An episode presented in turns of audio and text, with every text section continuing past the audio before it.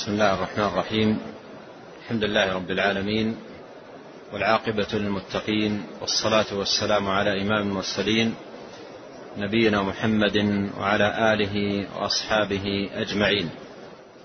أما بعد لما أنهى المصنف رحمه الله ما أراد إيراده من الأذكار المتعلقة بالنوم والتي يستحب للمسلم أن يقولها إذا أوى إلى فراشه لينام انتقل بعد ذلك لذكر ما ورد عن النبي صلى الله عليه وسلم فيما يقوله من استيقظ من نومه. من استيقظ من نومه ما الذي يشرع له أن يقوله؟ نعم. الحمد لله والصلاة والسلام على رسول الله. قال المؤلف رحمه الله فصل فيما يقوله المستيقظ من نومه ليلا عن عبادة بن الصامت رضي الله عنه عن النبي صلى الله عليه وسلم قال من تعار من الليل فقال لا إله إلا الله وحده لا شريك له له الملك وله الحمد وهو على كل شيء قدير الحمد لله وسبحان الله ولا إله إلا الله والله أكبر ولا حول ولا قوة إلا بالله العلي العظيم. ثم قال اللهم اغفر لي أو دعا استجيب له فإن توضأ وصلى قبلت صلاته خرجه البخاري. ثم عقد المصنف رحمه الله هذا الفصل قال فصل فيما يقوله المستيقظ من نومه ليلا. فيما يقوله المستيقظ من نومه ليلا. الاستيقاظ من النوم ليلا عادة يكون عن طول نوم بخلاف النوم الذي يكون في النهار فإنه لفترة محدودة. أما نوم الليل فإنه في الغالب يطول. ولهذا خص بالذكر لأنه مع طول النوم والاستغراق فيه والانقطاع عن الذكر انتباه الإنسان من هذا النوم الطويل. عائدا مباشرة لذكر الله تبارك وتعالى هذا من أمارات الخير في الإنسان ودلالة ملازمته الشديدة لذكر الله تبارك وتعالى لأن نومه وإن طال لا يفصله عن الذكر فبمجرد أن يقوم من نومه يعود إلى ذكر الله تبارك وتعالى مباشرة. ومثل هذه الخصلة العودة لذكر الله تبارك وتعالى عند القومة من النومة مباشرة لا تتهيأ لكل أحد. لا تتهيأ لكل أحد. وإنما تتهيأ لمن كان ملازما لذكر الله تبارك وتعالى لانت نفسه بالذكر واستدامه واعتاده وألفه واطمأنت نفسه به. وأصبح مألوفا معتادا عنده فإذا كان بهذه الصفة فإنه فإنه يتهيأ له حينئذ عند قومته مباشرة من نومه أن يرجع إلى ذكر الله تبارك وتعالى وأن يعود إلى ذكر الله تبارك وتعالى لأن ذكر الله هو غاية مقصوده ينام عليه ويقوم عليه ذاكرا لله تبارك وتعالى عند نومه وعند يقظته. قال فصل فيما يقوله المستيقظ من نومه ليلا. أورد حديث عبادة بن الصامت رضي الله عنه عن النبي صلى الله عليه وسلم أنه قال من تعار من الليل من تعار من الليل أي من استيقظ من نوم الليل. هذا معنى من تعار من الليل أي من استيقظ من نوم الليل. كان نائما ليلا فاستيقظ قام من نومه. فقال لا إله إلا الله وحده لا شريك له له الملك وله الحمد وهو على كل شيء قدير. الحمد لله وسبحان الله ولا إله إلا الله والله أكبر ولا حول ولا قوة إلا بالله العلي العظيم. ثم قال اللهم اغفر لي أو دعا أستجيب له فإن توضأ وصلى قبلت صلاته. اجتمعت هنا خيرات عظيمة وأعمال مباركة وأذكار نافعة في هذا الذي أرشد إليه ووجه إليه النبي عليه الصلاة والسلام في هذا الحديث حديث عبادة بن الصامت لمن استيقظ ليلا حيث أرشده النبي عليه الصلاة والسلام إلى أمور عدة يقوم بها على الترتيب كما جاءت في الحديث. فيبدأ أولا بالتهليل يبدأ أولا بالتهليل قائلا لا إله إلا الله وحده لا شريك له له الملك وله الحمد وهو على كل شيء قدير. يبدأ بهذه الكلمة كلمة التوحيد. لا إله إلا الله. مع التأكيد على معناها بقوله وحده لا شريك له مع ذكر براهينها ودلائلها في قوله له الملك وله الحمد وهو على كل شيء قدير. ولا إله إلا الله هي كلمة التوحيد التي عليها قيام الدين. ولا توحيد إلا بما دلت عليه هذه الكلمة. وهي قائمة على ركنين نفي وإثبات. نفي عام في أولها وإثبات خاص في آخرها. نفي للعبودية عن كل من سوى الله وإثبات للعبودية بكل معانيها لله وحده. هذا هو التوحيد. هذا هو التوحيد أن تنفي العبودية عن كل من سوى الله. كل من سوى الله لا يستحق من العبادة أي شيء لا الملائكة ولا الأنبياء ولا الأولياء فضلا عن غيرهم. العبادة حق لله لا إله هذا نفي للعبودية عن كل من سوى الله. إلا الله إثبات للعبادة بكل معانيها لله وحده. فهو الذي عز وجل يفرد بالطاعة ويخص بالعبادة وتصرف له بجميع أنواعها دون سواه.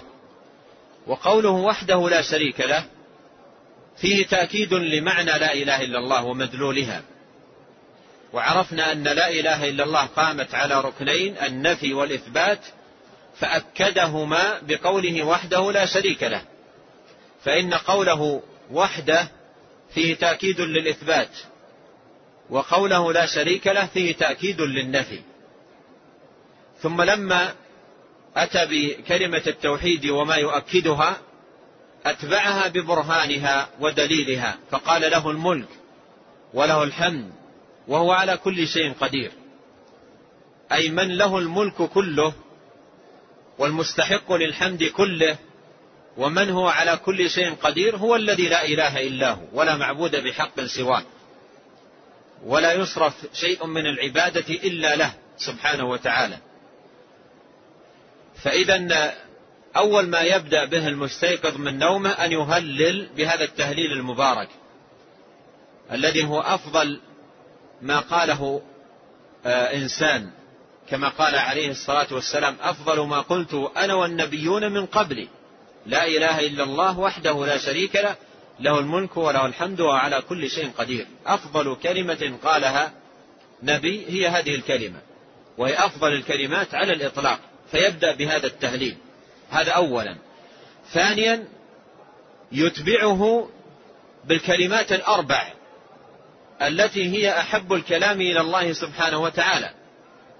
يتبعه بالكلمات الأربع التي هي أحب الكلام إلى الله فيقول الحمد لله وسبحان الله ولا إله إلا الله والله أكبر. بعد أن بعد أن يأتي بالتهليل يأتي بهؤلاء الكلمات الأربع. الحمد لله وسبحان الله ولا إله إلا الله والله أكبر. وقد جاء في الحديث عن النبي صلى الله عليه وسلم أنه قال أحب الكلام إلى الله أربع كلمات سبحان الله والحمد لله ولا إله إلا الله والله أكبر. وجاء عن النبي عليه الصلاة والسلام أنه قال لأن أقول سبحان الله والحمد لله ولا إله إلا الله والله أكبر أحب إلي مما طلعت عليه الشمس. أحب إلي مما طلعت عليه الشمس يعني أحب إلي من الدنيا وما فيها. والحمد لله فيها الثناء على الله وإثبات الكمال له سبحانه وتعالى. وسبحان الله فيها تنزيه الله عن النقائص وعما لا يليق به عز وجل.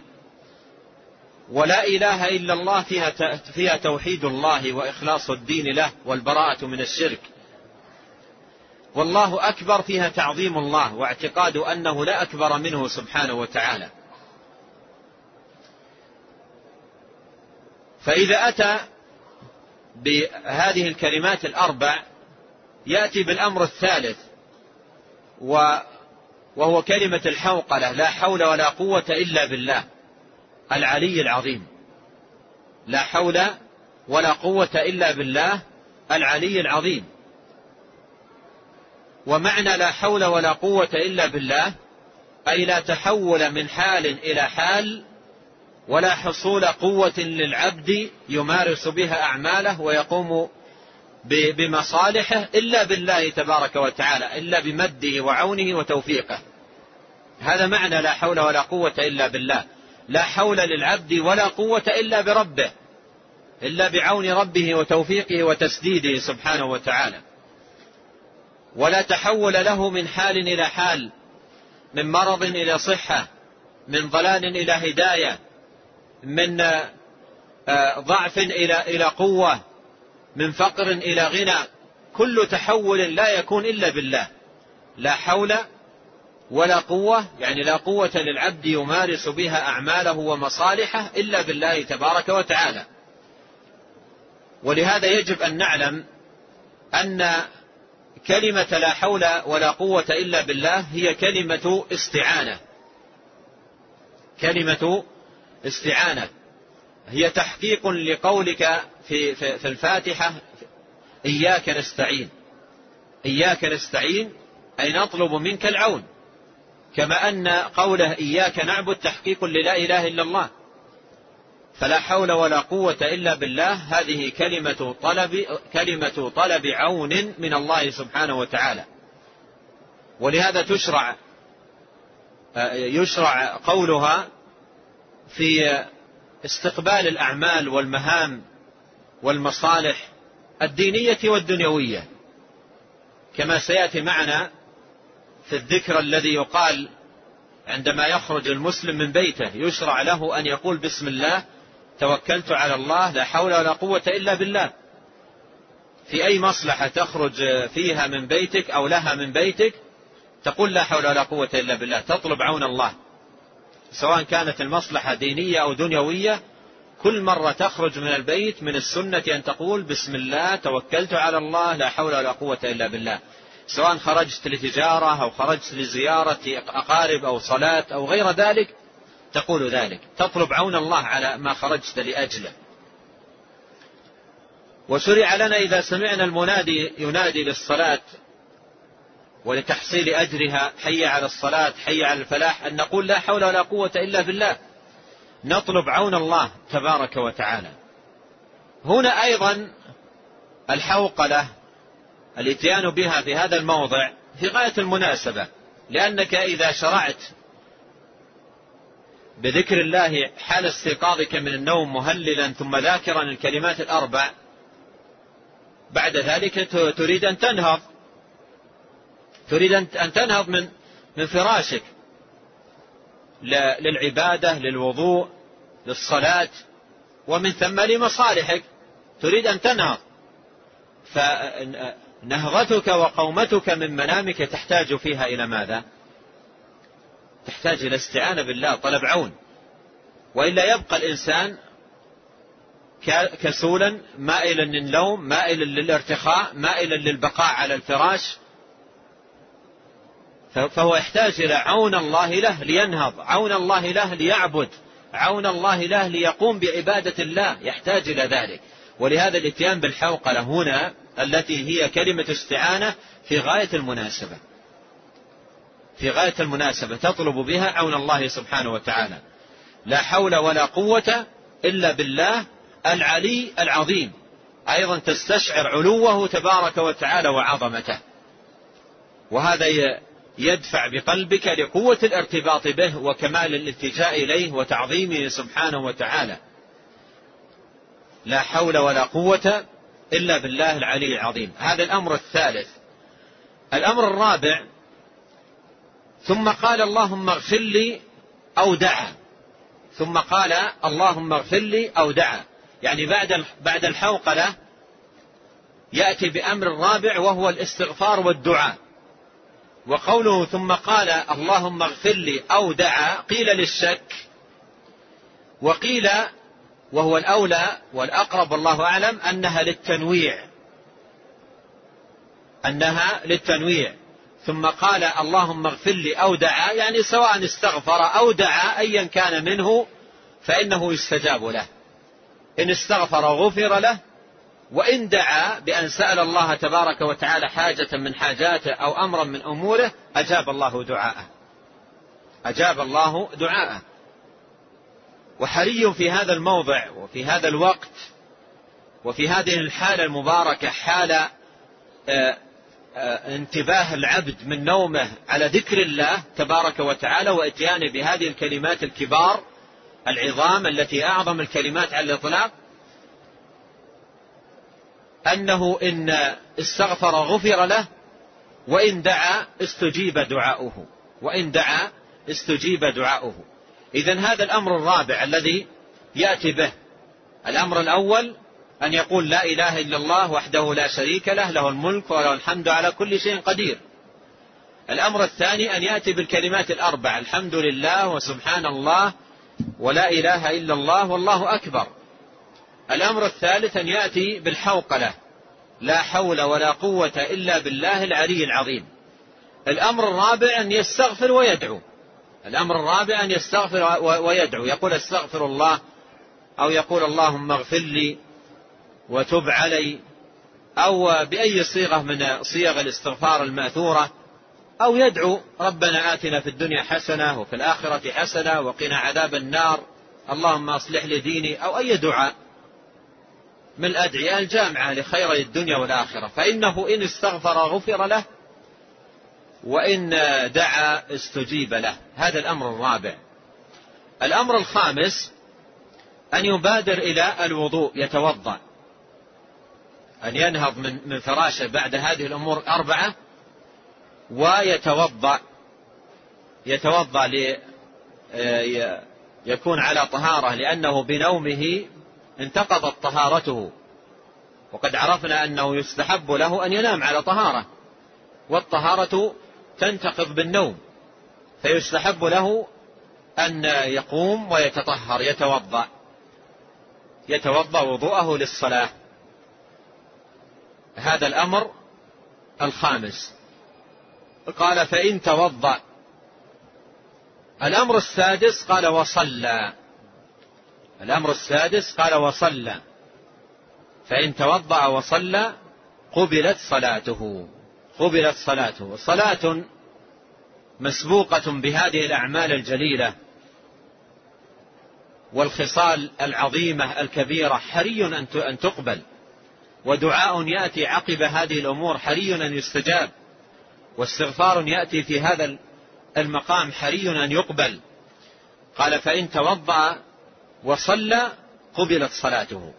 فهذه أعمال تأتي على هذا الترتيب الذي جاء في هذا الحديث العظيم المبارك المخرج في صحيح البخاري. أولا يقول لا إله إلا الله وحده لا شريك له له الملك وله الحمد على كل شيء قدير. ثانيا يأتي بالكلمات الأربع الحمد لله سبحان الله لا إله إلا الحمد لله سبحان الله لا إله إلا الله والله أكبر. الأمر الثالث يقول لا حول ولا قوة إلا بالله العلي العظيم. الأمر الرابع يستغفر ويدعو.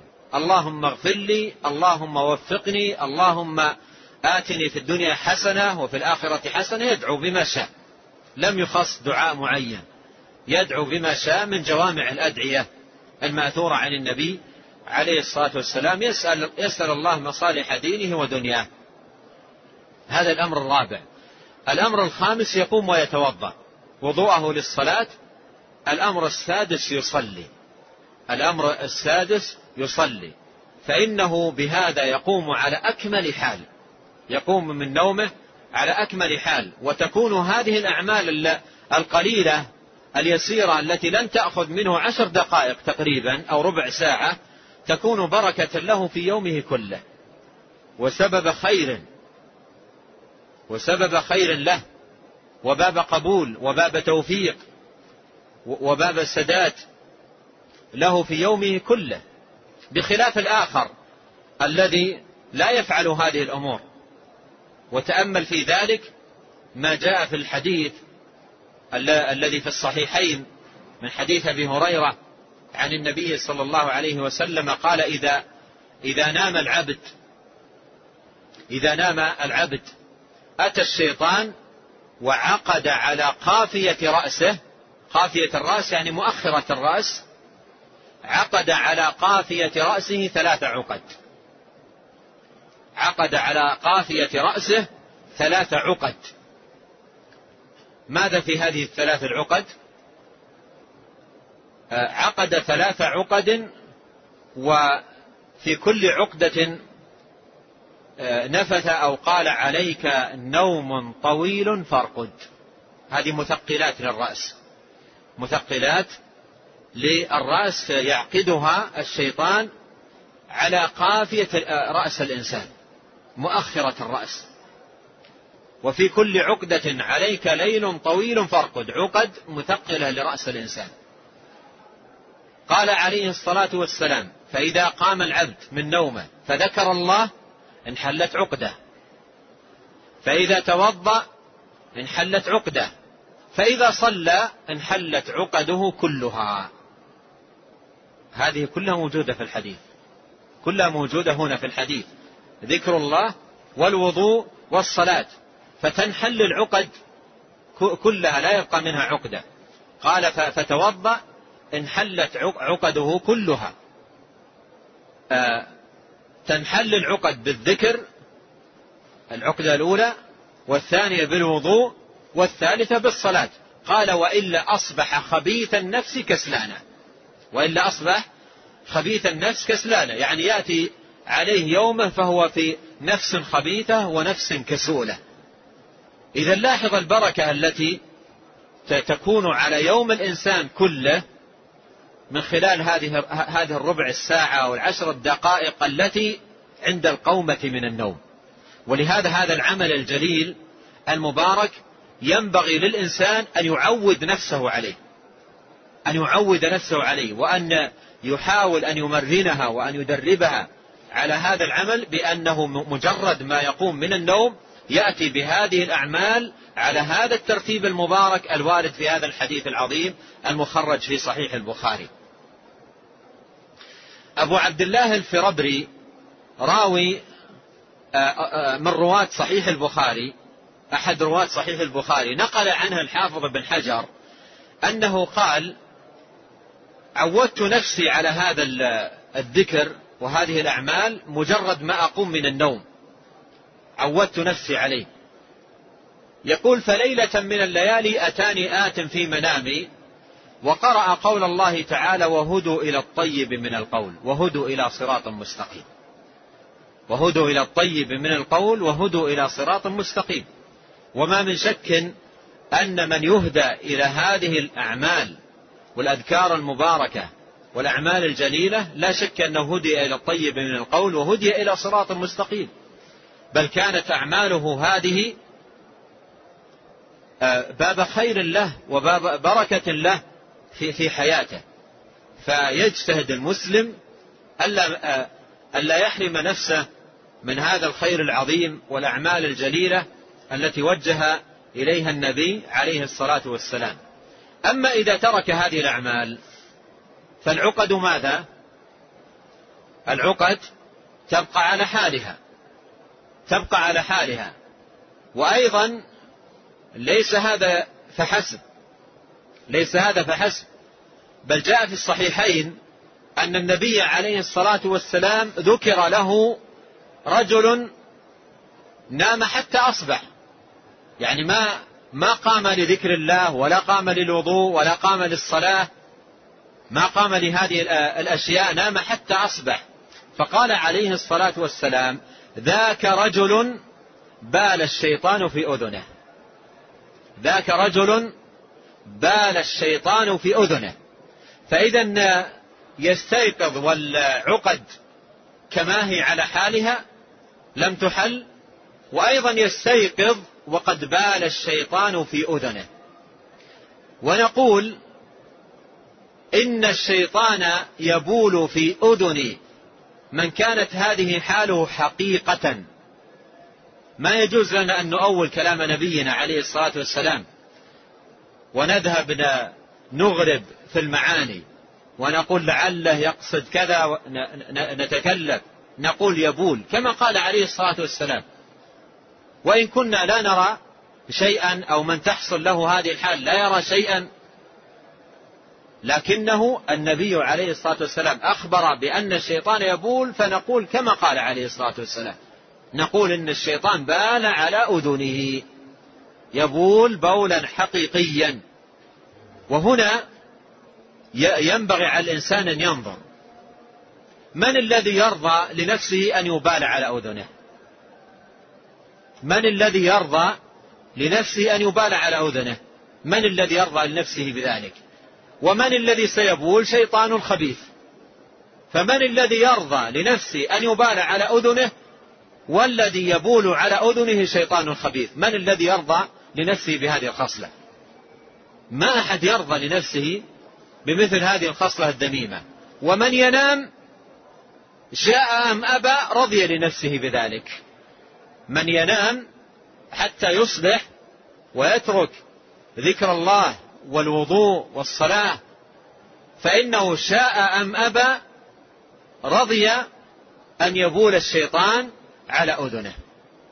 وهنا ندرك معاشر الإخوة البركة العظيمة والخير العميم الذي يكتسبه المسلم بحفظه للأذكار ومحافظته عليها ومحافظته على سنة النبي الكريم عليه صلوات الله وسلامه وأن السنة خير وبركة للإنسان خير له في نومته وخير له في قومته وخير له في حياته كلها خير له في حياته كلها.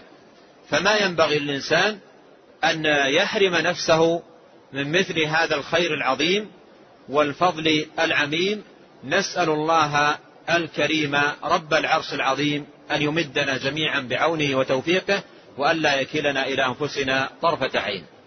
قال رحمه الله وعن أبي أمامة رضي الله عنه قال سمعت رسول الله صلى الله عليه وسلم يقول من أوى إلى فراشه طاهرا وذكر الله تعالى حتى يدركه النعاس لم ينقلب ساعة من الليل يسأل الله شيئا من خير الدنيا والآخرة إلا أعطاه إياه. خرجه الترمذي وقال حديث حسن غريب. ثم أورد هذا الحديث حديث أبي أمامة رضي الله عنه قال سمعت رسول الله صلى الله عليه وسلم يقول من أوى إلى فراشه طاهرا وذكر الله تعالى حتى يدركه النعاس. لم ينقلب ساعة من الليل يسأل الله شيئا من خير الدنيا والآخرة إلا أعطاه إياه إلا أعطاه إياه. هنا فيما يتعلق بالترجمة فيما يقوله المستيقظ ليلا. آه، المستيقظ ليلا لكي يستيقظ ليلا على ذكر الله تبارك وتعالى لكي يستيقظ على ذكر الله تبارك وتعالى وعلى سؤال الله من خير الدنيا والآخرة يحتاج إلى ذلك إلى مقدمات تسبق ذلك حتى يتهيأ له إذا استيقظ من الليل أن يستيقظ على ذكر وعلى دعاء وعلى سؤال. فيحتاج أمرا يسبق ذلك. ألا وهو الأمور التي تكون قبل النوم. فالأمور التي تكون قبل النوم هي أمور نافعة في النوم نفسه نافعة في النوم نفسه ونافعة في القومة منه. ولعلنا تلمسنا أو رأينا شيئا من ذلك فيما مر علينا من فضائل متعلقة بأذكار النوم. منها على سبيل المثال ما جاء في حديث البراء بن عازب. وفيه إن مت مت على الفطرة وإن أصبحت أصبت خيرا. فالأذكار التي تكون عند النوم هي بركة على الإنسان في نومه وفي قومته من نومته. متى يتهيأ للإنسان أن يقوم ذاكرا من نومه وأن يقوم سائلا ربه تبارك وتعالى من خير الدنيا والآخرة إلا إذا كان إنسانا ألف واعتاد ذكر الله تبارك وتعالى ونام على ذكر الله عز وجل. وهنا حديث أبي أمامة فيه بيان لهذا المعنى وإشارة إليه. يقول عليه الصلاة والسلام من أوى إلى فراشه طاهرا. انظر البركات التي تتتابع. والعلماء يقولون رحمهم الله يقولون الحسنة تنادي أختها. الحسنة تنادي أختها تقول لها تعالي. الخير يجر بعضه. ينادي بعضه بعضا فتتوضأ لتنام فالطهارة تهيئك للذكر الذكر يهيئك لنوم مبارك النوم المطمئن يهيئك لقومة, لقومة على ذكر الله ودعائه فالحسنات ينادي بعضها بعضا. تنادي الحسنة أختها تقول تعالي. تنادي الحسنة أختها تقول تعالي. فالحسنات ينادي بعض بعضها بعضا. قال من أوى إلى فراشه طاهرا. طاهرا أي على طهارة.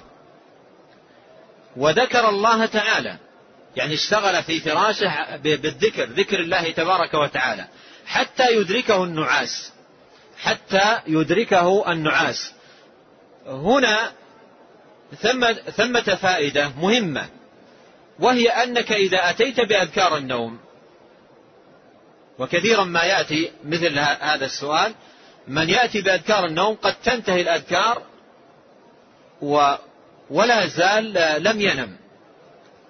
فهل يظل بحكم أنه انتهى من الأذكار التي يحفظها هل يظل ساكتا إلى أن ينام؟ أم الأولى به أن يستمر مشتغلا بذكر الله تبارك وتعالى إلى أن ينام؟ إلى أن ينام. قال وذكر الله تعالى حتى يدركه النعاس. حتى يدركه النعاس. بحيث تنام وأنت تذكر الله. بحيث تدخل في نومك وأنت ذاكر لله تبارك وتعالى. فإذا انتهيت من الأذكار المقيدة بالنوم إذا انتهيت من الأذكار المقيدة بالنوم أمامك باب الذكر المطلق مفتوح. أمامك باب الذكر المطلق مفتوح. اذكر الله عز وجل. مسبحا حامدا مهللا مكبرا مستغفرا تاليا ما تيسر من كلامه تبارك وتعالى إلى أن يأتيك النوم وأنت على ذكر الله تبارك وتعالى. على ذكر الله تنام على ذكره عز وجل. فالذي ينام على هذه الحال ينام على حال مباركة. ينام على حال مباركة على حال عظيمة جدا. ينام على طمأنينة هدوء نفس سكون قلب. و و وذكر الله له بهذه بهذه الصفة وعلى هذه الطريقة المأثورة عن النبي عليه الصلاة والسلام تستجلب تستجلب طمأنينة النوم. الآن وخاصة في زماننا هذا النوم يعد معضلة. النوم يعد معضلة ويعد مشكلة. وكثير من الناس يرتاد المستشفيات النفسية والمصحات. يطلب علاج للنوم. يأتيه أرق أرق شديد. يتعب. يتقلب على منامة مثل السمكة في المقلاة. يريد نوما ويطلب نوما. بعضهم يصبح عليه الصباح وما أغمضت عيناه. ما, ما, ما, ما نام.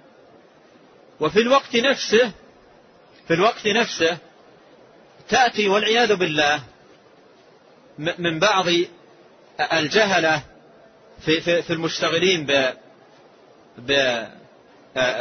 بالأمراض النفسية ومعالجتها يأتون بتوجيهات تزيد الأمر إشكالا تزيد الأمر إشكالا ولا يوجه ولا يوجهونه إلى هذه الأذكار الصحيحة المأثورة عن النبي عليه الصلاة والسلام. بعضهم يقول له أنت تحتاج عندما تنام إلى موسيقى هادئة. موسيقى هادئة ويحدد له بعض ال ال الأطباء نوع الموسيقى. موسيقى هادئة تنام عليها. شغل هذه الموسيقى حتى تنام. فينومه الطبيب على غفلة من ذكر الله وعلى معصية الله تبارك وتعالى. وبعضهم يوجهه أيضا إلى توجيهات أخرى. يقول له اشغل نفسك عن عن الهموم بشيء تراه. فيقول له اضطجع على جنبك وليكن أمامك الشاشة. وانظر إليها متأملا فيها مستغرقا النظر في المسلسل أو كذا إلى أن تذهب بالنوم وأنت لا تشعر. وهكذا تأتي توجيهات سقيمة. تأتي توجيهات سقيمة لا تحل. المشكلة بل تزيدها. ولا تعالج البلاء بل تضاعفه ويزداد المرض. وبعض الأطباء يشغل هؤلاء إشغالا شديدا غير مقبول بحبوب مهدئة أو منومة هذا ليس هو العلاج. ليس هذا هو العلاج. ولهذا يحتاج الإنسان أن ينظر إلى المشكلة من أساسها وقد قال علي بن أبي طالب رضي الله عنه ما نزل بلاء إلا بذنب ولا رفع إلا بتوبة. ما نزل بلاء إلا بذنب ولا رفع إلا بتوبة. فيتوب إلى الله ويقبل إلى على الله ويصلح حاله مع الله تبارك وتعالى. يتوب من ذنوبه التي أوبقته وأرقته وألحقت في قلبه الوحشة وألحقت بقلبه القسوة. وكل ذلك لا يذهب عن عن عن الإنسان إلا بذكر الله تبارك وتعالى.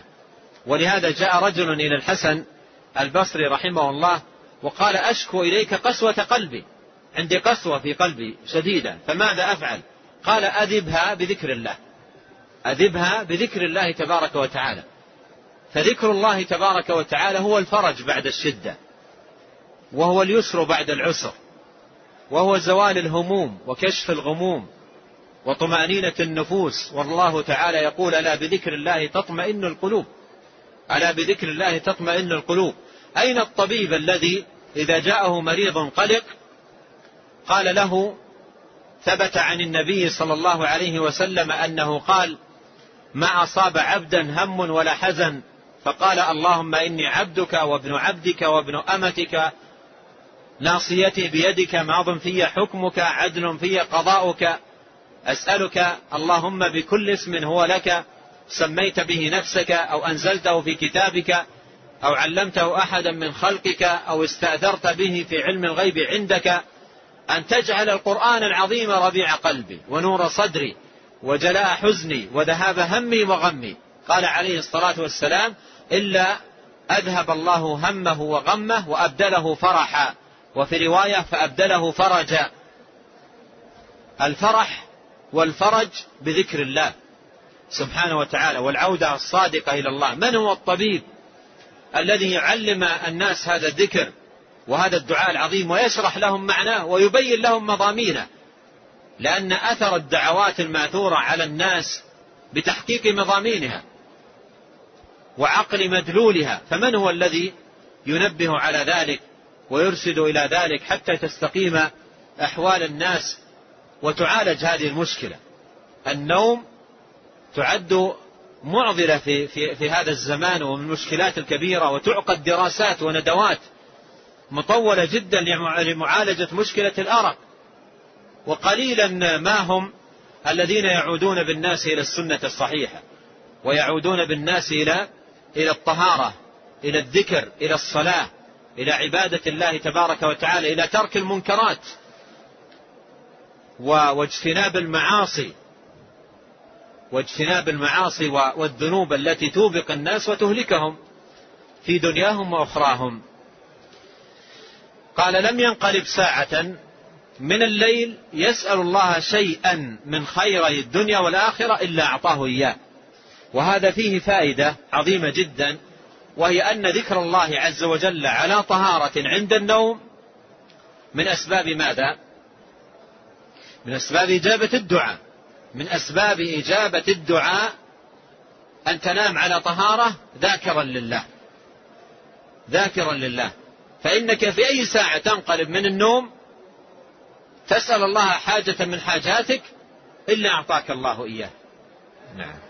قال رحمه الله وعن عائشة رضي الله عنها أن رسول الله صلى الله عليه وسلم كان إذا استيقظ من الليل قال لا إله إلا أنت سبحانك اللهم لا إله إلا أنت سبحانك اللهم أستغفرك لذنبي وأسألك رحمتك اللهم زدني علما ولا تزغ قلبي بعد إذ هديتني وهب لي من لدنك رحمة إنك أنت الوهاب. خرجه أبو داود. ثم أورد المصنف هذا الحديث حديث عائشة رضي الله عنها أن رسول الله صلى الله عليه وسلم كان إذا استيقظ من الليل قال لا إله إلا أنت سبحانك لا إله إلا أنت سبحانك اللهم أستغفرك لذنبي وأسألك رحمتك اللهم زدني علما ولا تزغ قلبي بعد إذ هديتني وهب لي من لدنك رحمة إنك أنت الوهاب. هذا الذي ورد في هذا الحديث حديث عائشة مشتمل على التهليل وعلى التسبيح وعلى الاستغفار وعلى جملة من الدعوات وعلى جملة من الدعوات. فيه التهليل وفيه التسبيح وفيه الاستغفار وفيه جملة من الدعوات النافعة. من الدعوات النافعة التي هي مأثورة في الجملة في, في نصوص الشرع. مثل سؤال الله العلم وعدم إزاغة القلب وأن يهب له الرحمة. هذه دعوات عظيمة. دعوات عظيمة آه، آه، مأثورة في الجملة.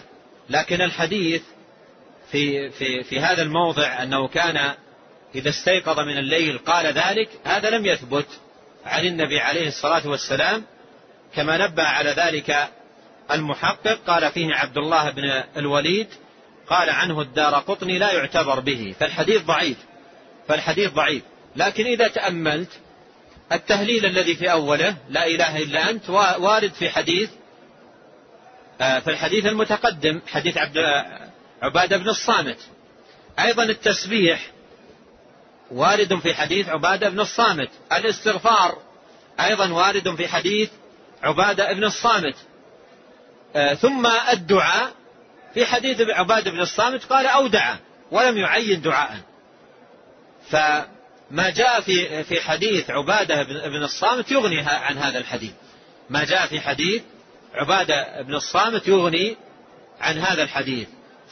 فنستمسك ونحافظ على حديث عبادة بن الصامت بالأمور التي جاءت فيه على الترتيب الذي جاءت فيه والحديث في صحيح البخاري. فهو يغنينا عن ما جاء في هذا الحديث الضعيف وجميع المعاني الموجودة فيه ليس فيها شيء زائد عن عن هذا الحديث. التهليل موجود والتسبيح موجود والاستغفار موجود والدعاء من حيث الجملة أيضا موجود. فتأتي بحديث عبادة بن الصامت تهلل تأتي بالكلمات الأربع آه، تحوقل لا حول ولا قوة إلا بالله تستغفر وتدعو تتوضأ وتصلي. وينبغي حقيقة آه، أن أن نعود أنفسنا على هذا آه، على هذا الذكر العظيم المبارك. ولعلنا من هذه الساعة نعقد العزم كل واحد منا يعقد العزم بينه وبين نفسه أن يعود نفسه اعتبارا من الليلة التي نستقبلها يعود نفسه اعتبارا من هذه الليلة أن يبدأ. إذا كان لم يكن يفعل ذلك يبدأ ومن كان يفعل ذلك يحمد الله على ما يسره له من محافظة ويسأله المزيد من توفيقه وعونه ومده ونسأل الله تبارك وتعالى أن يعيننا جميعا على ذكره وشكره وحسن عبادته. قال رحمه الله وعن أبي هريرة رضي الله عنه عن النبي صلى الله عليه وسلم قال إذا استيقظ أحدكم فليقل الحمد لله الذي رد علي روحي وعافاني في جسدي. ثم أورد حديث أبي هريرة رضي الله عنه عن النبي صلى الله عليه وسلم قال إذا إذا استيقظ أحدكم فليقل الحمد لله الذي رد علي روحي وعافاني في جسدي. الحمد لله الذي رد علي روحي وعافاني في جسدي. في زيادة عندكم بعد هذا. قال عن أبي هريرة عن النبي صلى الله عليه وسلم قال إذا استيقظ أحدكم فليقل الحمد لله الذي رد علي روحي وعافاني في جسدي. هو له زيادة. الحديث سبق مر معنا فيما يقال عند المنام. قال وفي لفظ إذا استيقظ أحدكم فليقل الحمد لله الذي عافاني في جسدي ورد علي روحي وأذن لي بذكره وأذن لي بذكره. قال عن أبي هريرة رضي الله عنه عن النبي صلى الله عليه وسلم قال إذا استيقظ أحدكم فليقل الحمد لله الذي رد علي روحي وعافاني في جسدي. هذه صيغة حمد مباركة يستحب للمسلم أن يقولها إذا استيقظ من النوم. إذا استيقظ من النوم يحمد الله بهذه الصيغة. يقول الحمد لله الذي رد علي روحي. الذي رد علي روحي. وهذا فيه أن روح الإنسان آه، تقبض في المنام. الله الذي يتوفى الأنفس حين موتها والتي لم تمت في منامها فيمسك التي قضى عليها الموت ويرسل الأخرى. قول ويرسل الأخرى هنا يقول الحمد لله الذي رد علي روحي يعني أرسلها وأعادها إلي. الحمد لله الذي رد علي روحي يعني أعاد إلي روحي وأعطاني فسحة في العمر. أعطاني فسحة في العمر. بعد هذه الموتة التي حصلت لي موتة النوم. والنوم موت. الحمد لله الذي أحياني بعدما أماتني مر معنا. الحمد لله الذي أحياني بعدما أماتني. تلك صيغة وهذه أيضا صيغة مشروعة. الحمد لله الذي رد علي روحي. نظيرها قولك في الحديث الآخر الحمد لله الذي أحياني بعدما أماتني. وإليه النسور قال الحمد لله الذي رد علي روحي وعافاني في جسدي. وعافاني في جسدي. أي كتب لي في جسدي المعافاة. بحيث أنني قمت من منامي وجسدي معافى. معافى من مرض معافى من سقم معافى من هوام من تؤذي الإنسان في فراشه. فيحمد الله عز وجل على العافية. قال وعافاني في جسدي. وأذن لي بذكره. وأذن لي بذكره. وقد مرت الزيادة متقدمة. وأذن لي بذكره. والمراد بالإذن هنا الإذن الكوني القدري. لأن الإذن تارة يراد به الإذن الشرعي. آه الله أذن لكم يعني هل, هل الله شرع لكم ذلك؟ فتارة يراد به الإذن الشرعي وتارة يراد به الإذن الكوني. والمراد بقوله أذن لي بذكره أي قدر لي وكتب لي كونا وقدرا أن أقوم ذاكرا له. أن أقوم ذاكرا له. فهذا أمر أذن لي به يعني كونا وقدرا. وإلا شرعا ودينا الإذن للكل والأمر بهذه الأذكار للجميع والدعوة في ذلك للجميع.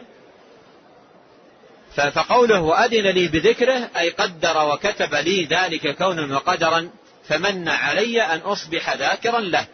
وهذه نعمة عظيمة ومنة كبيرة من الله تبارك وتعالى على عبده. نعم. قال رحمه الله ويذكر عن أنس بن مالك رضي الله عنه قال أمرنا رسول الله صلى الله عليه وسلم أن نستغفر بالأسحار سبعين مرة. ثم أورد المصنف هذا الحديث قال ويذكر. وهذه تستعمل غالبا لبيان الضعف تسمى صيغة تمريض يعني أن الحديث أو الأثر الذي قدم له بهذه الصيغة يذكر أو يروى أو نحو ذلك إشارة إلى إلى ضعفه. فهذا الأثر أو الحديث عن أنس قال أنس بن مالك أمرنا رسول الله صلى الله عليه وسلم أن نستغفر بالأسحار سبعين مرة. أمرنا رسول الله رسول الله صلى الله عليه وسلم أن نستغفر بالأسحار سبعين مرة. فهذا الحديث لم يثبت. هذا الحديث لم يثبت. أما الاستغفار بالأسحار فثابت في القرآن. الاستغفار بالأسحار ثابت في القرآن. قال الله تبارك وتعالى والمستغفرين بالأسحار. وقال تعالى وبالأسحار هم يستغفرون. فالاستغفار بالأسحار ثابت عن النبي عليه الصلاة والسلام. أما أن تعد سبعين استغفارا بموجب هذا الحديث فهذا أمر لا لم يثبت عن النبي عليه الصلاة والسلام. لكن لك أن تستغفر وأنت تكثر من الاستغفار في الأسحار لأن هذا وقت للاستغفار كما دل على ذلك كتاب الله عز وجل. قال رحمه الله فصل فيما يقوله من يفزع ويقلق في منامه. قال رحمه الله عن بريدة قال شكا خالد بن الوليد إلى النبي صلى الله عليه وسلم فقال إذا أويت إلى فراشك فقل اللهم رب السماوات السبع وما وما أظلت ورب الأرضين السبع وما أقلت ورب الشياطين وما أضلت كن لي جارا من شر خلقك كلهم جميعا أن يفرط أحد منهم علي وأن يبغى علي وأن وأن يبغي علي عز جارك وجل ثناؤك ولا إله غيرك ولا إله إلا أنت خرجه الترمذي. ثم عقد المصنف رحمه الله هذا الفصل بعنوان فيما يقوله من يفزع ويقلق في منامه. في فيما يقول من يفزع ومن يقلق في منامه. هذا الفصل ليس لكل أحد وإنما لمن يبتلى في منامه بقلق أو فزع.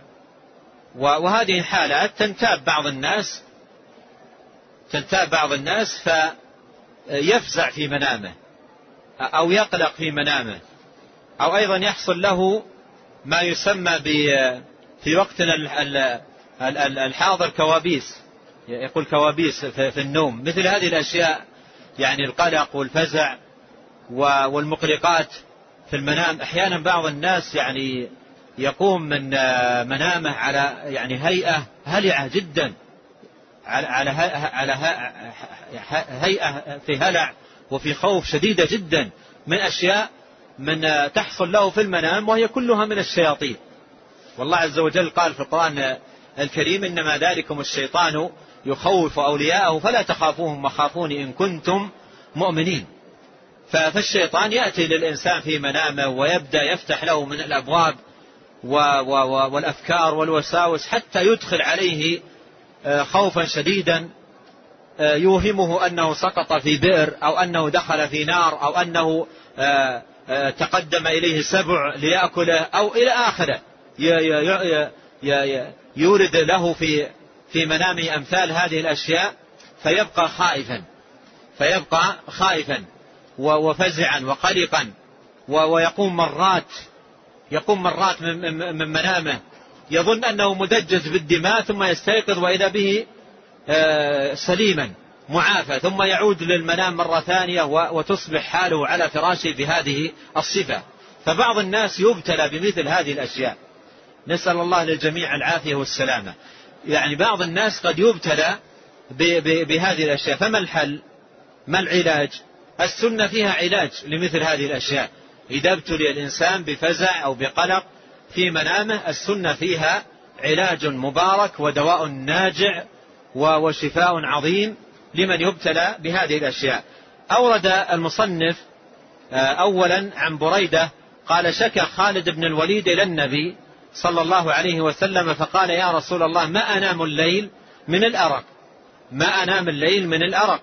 فقال النبي صلى الله عليه وسلم إذا أويت إلى فراشك فقل اللهم رب السماوات السبع وما أضلت ورب الأراضين السبع وما أقلت ورب الشياطين وما أضلت.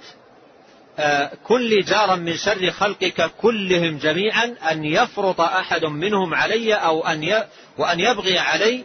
عز جارك وجل ثناؤك ولا إله غيرك ولا إله أنت. قال خرجه, خرجه الترمذي.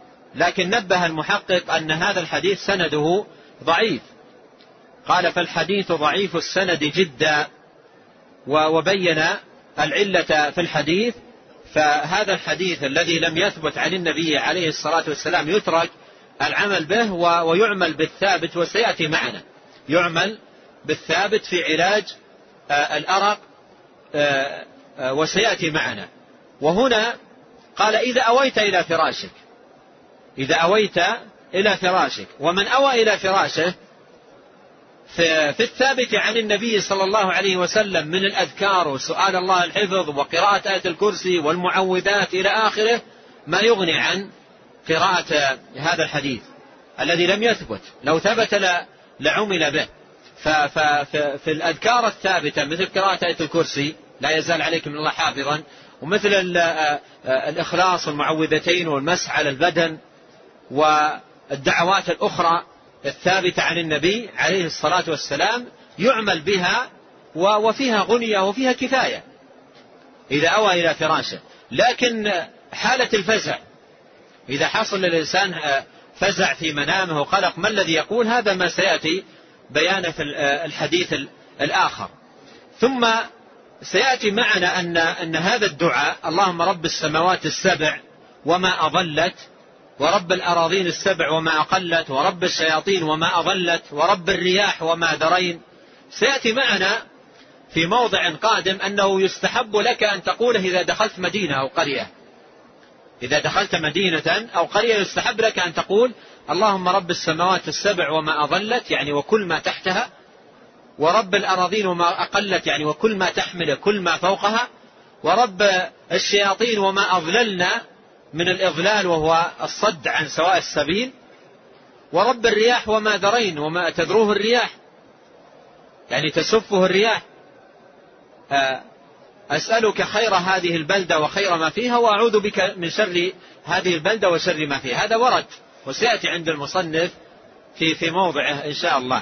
على كل حال هذا الدعاء لم لم يثبت الذي ورد في هذا الحديث حديث بريدة أن خالدا رضي الله عنه شكى هذا لم يثبت. عن النبي عليه الصلاة والسلام كما نبه وبين ذلك المحقق وفي الثابت غنية وكفاية. نعم.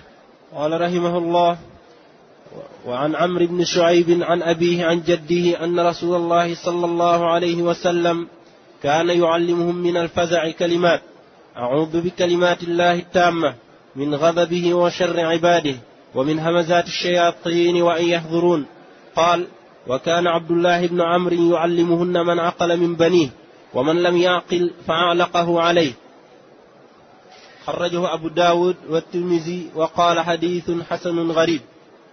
ثم أورد المصنف رحمه الله هذا الحديث عن عمرو بن شعيب عن أبيه عن جده أن رسول الله صلى الله عليه وسلم كان يعلمهم من الفزع كلمات.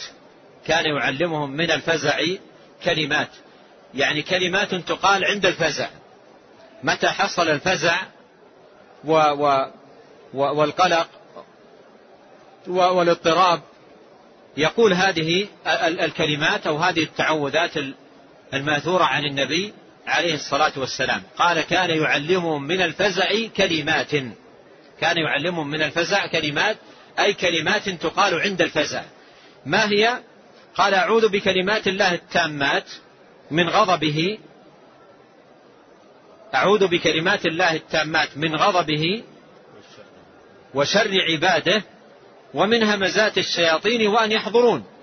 في بعض روايات الحديث من غضبه وعقابه. أعوذ بكلمات الله التامات من غضبه وعقابه وشر عباده ومن همزات الشياطين وأن يحضرون. وجاء في بعض الروايات أنه لم تضره أي الشياطين.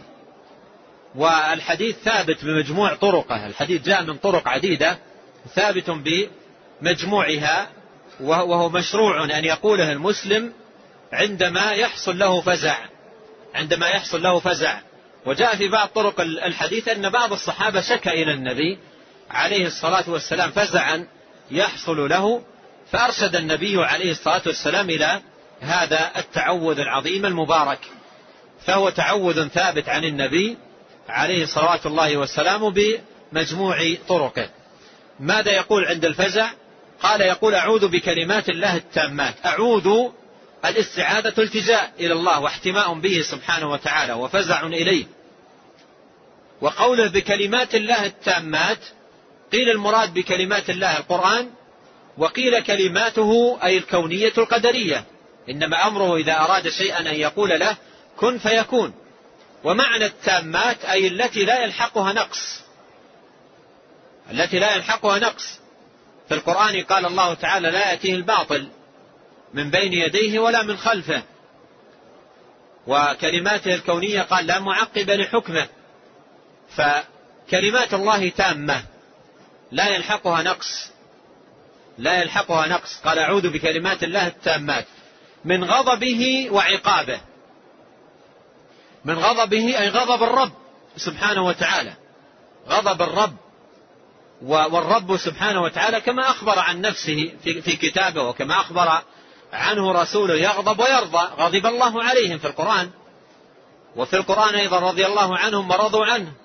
فهو يغضب ويرضى ويسخط. سخط الله عليهم. ويمقت كبر مقتا عند الله. هذه كلها صفات له سبحانه وتعالى صفات فعلية أخبر بها عن نفسه سبحانه وأخبر عنه بها رسوله صلوات الله وسلامه عليه. وجادة السلف رحمهم الله وطريقتهم في هذا الباب باب الصفات أن صفات الله يمرونها كما جاءت. يمرونها كما جاءت ويؤمنون, ويؤمنون بها كما وردت. ولا يخوضون فيها بالتأويلات الباطلة التي يفعلها أرباب البدع. ما يقولون غضب الله عليهم أي أراد أن يعذبهم. ولا يقولون أيضا غضب الله عليهم أي عاقبهم. بل يقولون غضب الله عليهم أي غضب عليهم. الغضب معروف معناه. فيمرونها كما جاءت ويؤمنون بها كما وردت. ولهذا كما قلت جاء في بعض طرق الحديث الجمع بين الصفة وأثرها. قال غضب من غضبه وعقابه. وهذا الجمع بين الصفة وأثرها رد على المؤولة. في رد على المؤولة الذين يؤولون الصفة بأثرها. يؤولون الصفة بأثرها ويجعلون معنى الصفة أي أثرها. يقول غضب الله عليهم أي عاقبهم. فماذا يقولون هنا في هذا الحديث؟ لأن في الحديث هنا قال من غضبه وماذا؟ وعقابه. فإذا قالوا من غضبه أي, عقابه يكون ماذا الكلام؟ مكرر من عقابه وعقابه. إذا كان المعنى معنى الغضب أي العقاب فيكون الكلام تكرر. فالشاهد أن قوله في الحديث من غضبه وعقابه في رد على المؤولة الذين يؤولون الصفات ويفسرون الصفة بلازمها أو بأثرها. وهذا تأويل باطل. تأويل باطل وانحراف عن الجادة التي كان عليها السلف رحمهم الله. فالمسلم يمر الصفات كما جاءت ويؤمن بها كما وردت. هذه الجادة المستقيمة التي كان عليها أئمة السلف رحمهم الله. قال من غضبه وعقابه يعني أعوذ به من من غضبه ومن عقابه. فيتعوذ الإنسان بالله من الغضب يعني من الأمور التي توجب غضب الله سبحانه وتعالى وحلول عقابه على عبده. وهذا فيه إشارة وتنبيه إلى بعد عن إلى البعد عن المعاصي والذنوب. وأيضا فيه فيه تنبيه وإشارة إلى أن الذنوب والمعاصي أعظم أسباب القلق. لأن إذا وجدت الذنوب وجد الغضب ووجد العقاب. ومن العقوبات المعجلة القلق التي القلق والفزع والهموم ونحو ذلك من الأمور التي هي نوع من العقوبة. فيبدأ الإنسان يتعوذ بالله من من غضبه ومن عقابه. وهذا يتضمن البعد عن موجبات الغضب وموجبات العقاب وهي الذنوب التي تسخط الله تبارك وتعالى وتوجب حلول العقوبة ونزولها. قال من من غضبه وعقابه وشر عباده.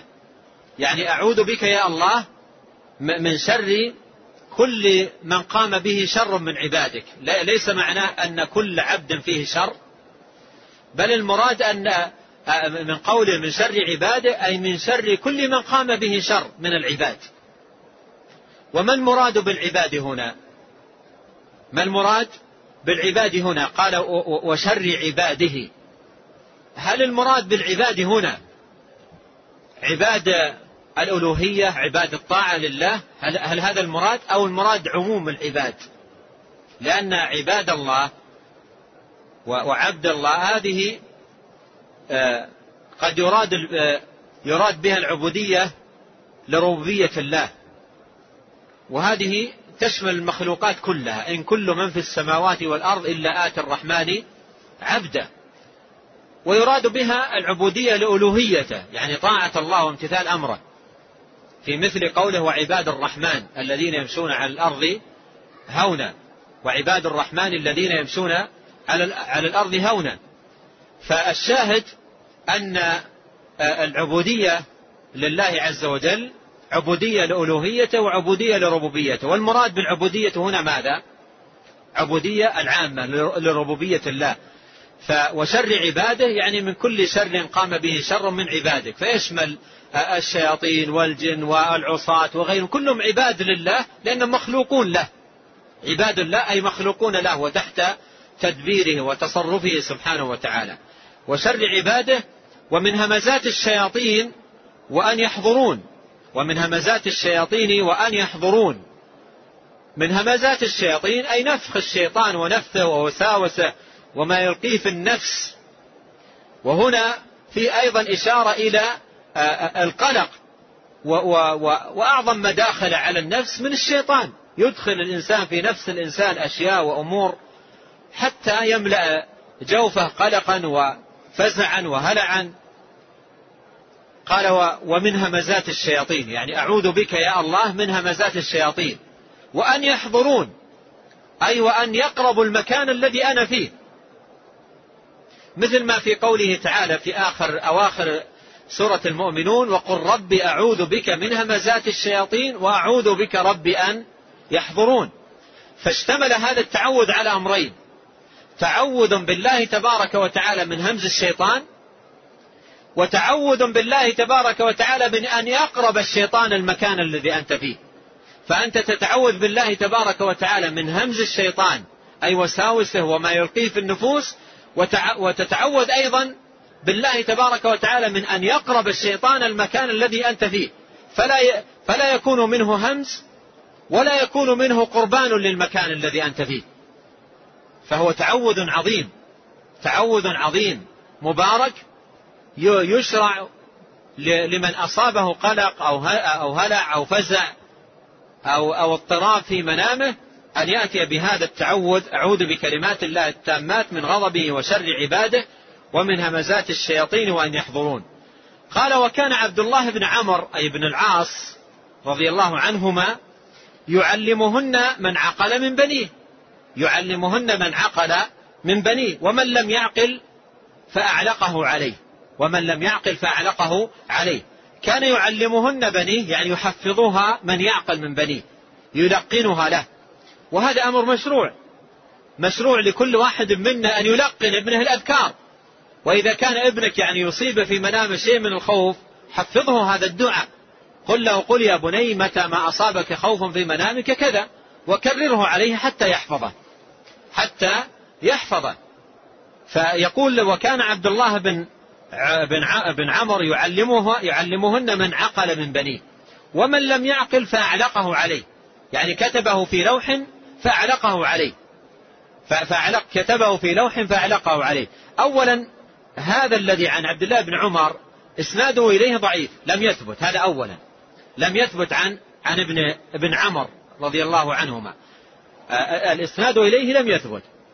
ثانيا على فرض ثبوته قال العلماء المراد بفعل ابن عمر عفوا بفعل ابن عمر رضي الله عنهما أنه يعلقه عليه حتى يبقى في لوح أمامه بحيث يقرأه إلى أن يحفظه.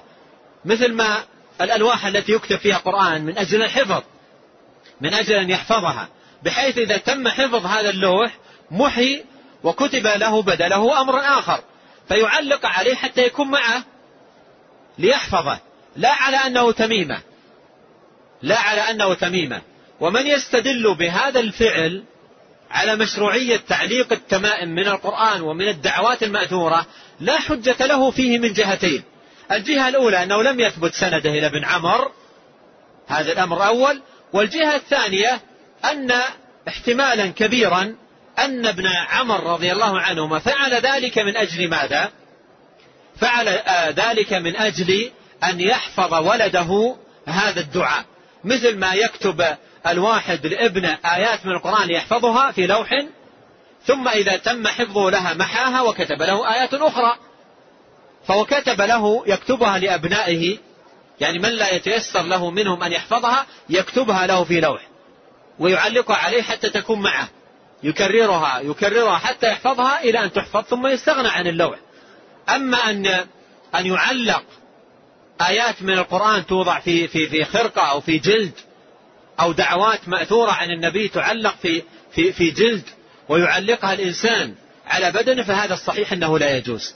الصحيح أنه لا يجوز لأسباب كثيرة ذكرها العلماء منها بعدا عن امتهان القرآن الكريم وثانيا لعموم الأدلة المانعة من تعليق التمائم من تعلق تميمة فلا أتم الله له ثالثا لأن هذا فيه وسيلة للشرك فيه وسيلة للشرك والوقوع في الباطل رابعا لأن الذي شرع لنا في هذا الباب الرقية مباشرة أن تقرأ وتنفث على نفسك بالقرآن وتباشر الذكر والدعاء لا أن تعلق شيئا وتتعلق به ومن تعلق شيئا وكل إليه. فالشاهد أن هذا لا دليل فيه. لا دليل فيه لمن أجاز تعليق التمائم واحتج به فهو لا حجة فيه لأمرين. الأمر الأول أنه لم يثبت والأمر الثاني على فرض ثبوته فإن المراد به تعليق هذه الأشياء من أجل أن تحفظ لمرحلة مؤقتة لأن تحفظ ثم يستغنى عنها بعد ذلك. هذا ونسأل الله الكريم رب العرش العظيم أن يوفقنا وإياكم لكل خير يحب وأرضاه وأن يهدينا جميعا سواء السبيل وأن يعيننا أجمعين على ذكره وشكره وحسن عبادته وأن يصلح لنا ديننا الذي هو عصمة أمرنا وأن يصلح لنا دنيانا التي فيها معاشنا وأن يصلح لنا آخرتنا التي فيها معادنا وأن يجعل الحياة زيادة لنا في كل خير والموت راحة لنا من كل شر. وهذا أحد الإخوة يقول أسئلة كثيرة ونرغب الإجابة عليها كأنه أراد مني قبل قليل أن أقف فلم يحصل التوقف فتكون الأسئلة في يوم آخر. والله أعلم وصلى الله وسلم على نبينا محمد وآله وصحبه أجمعين.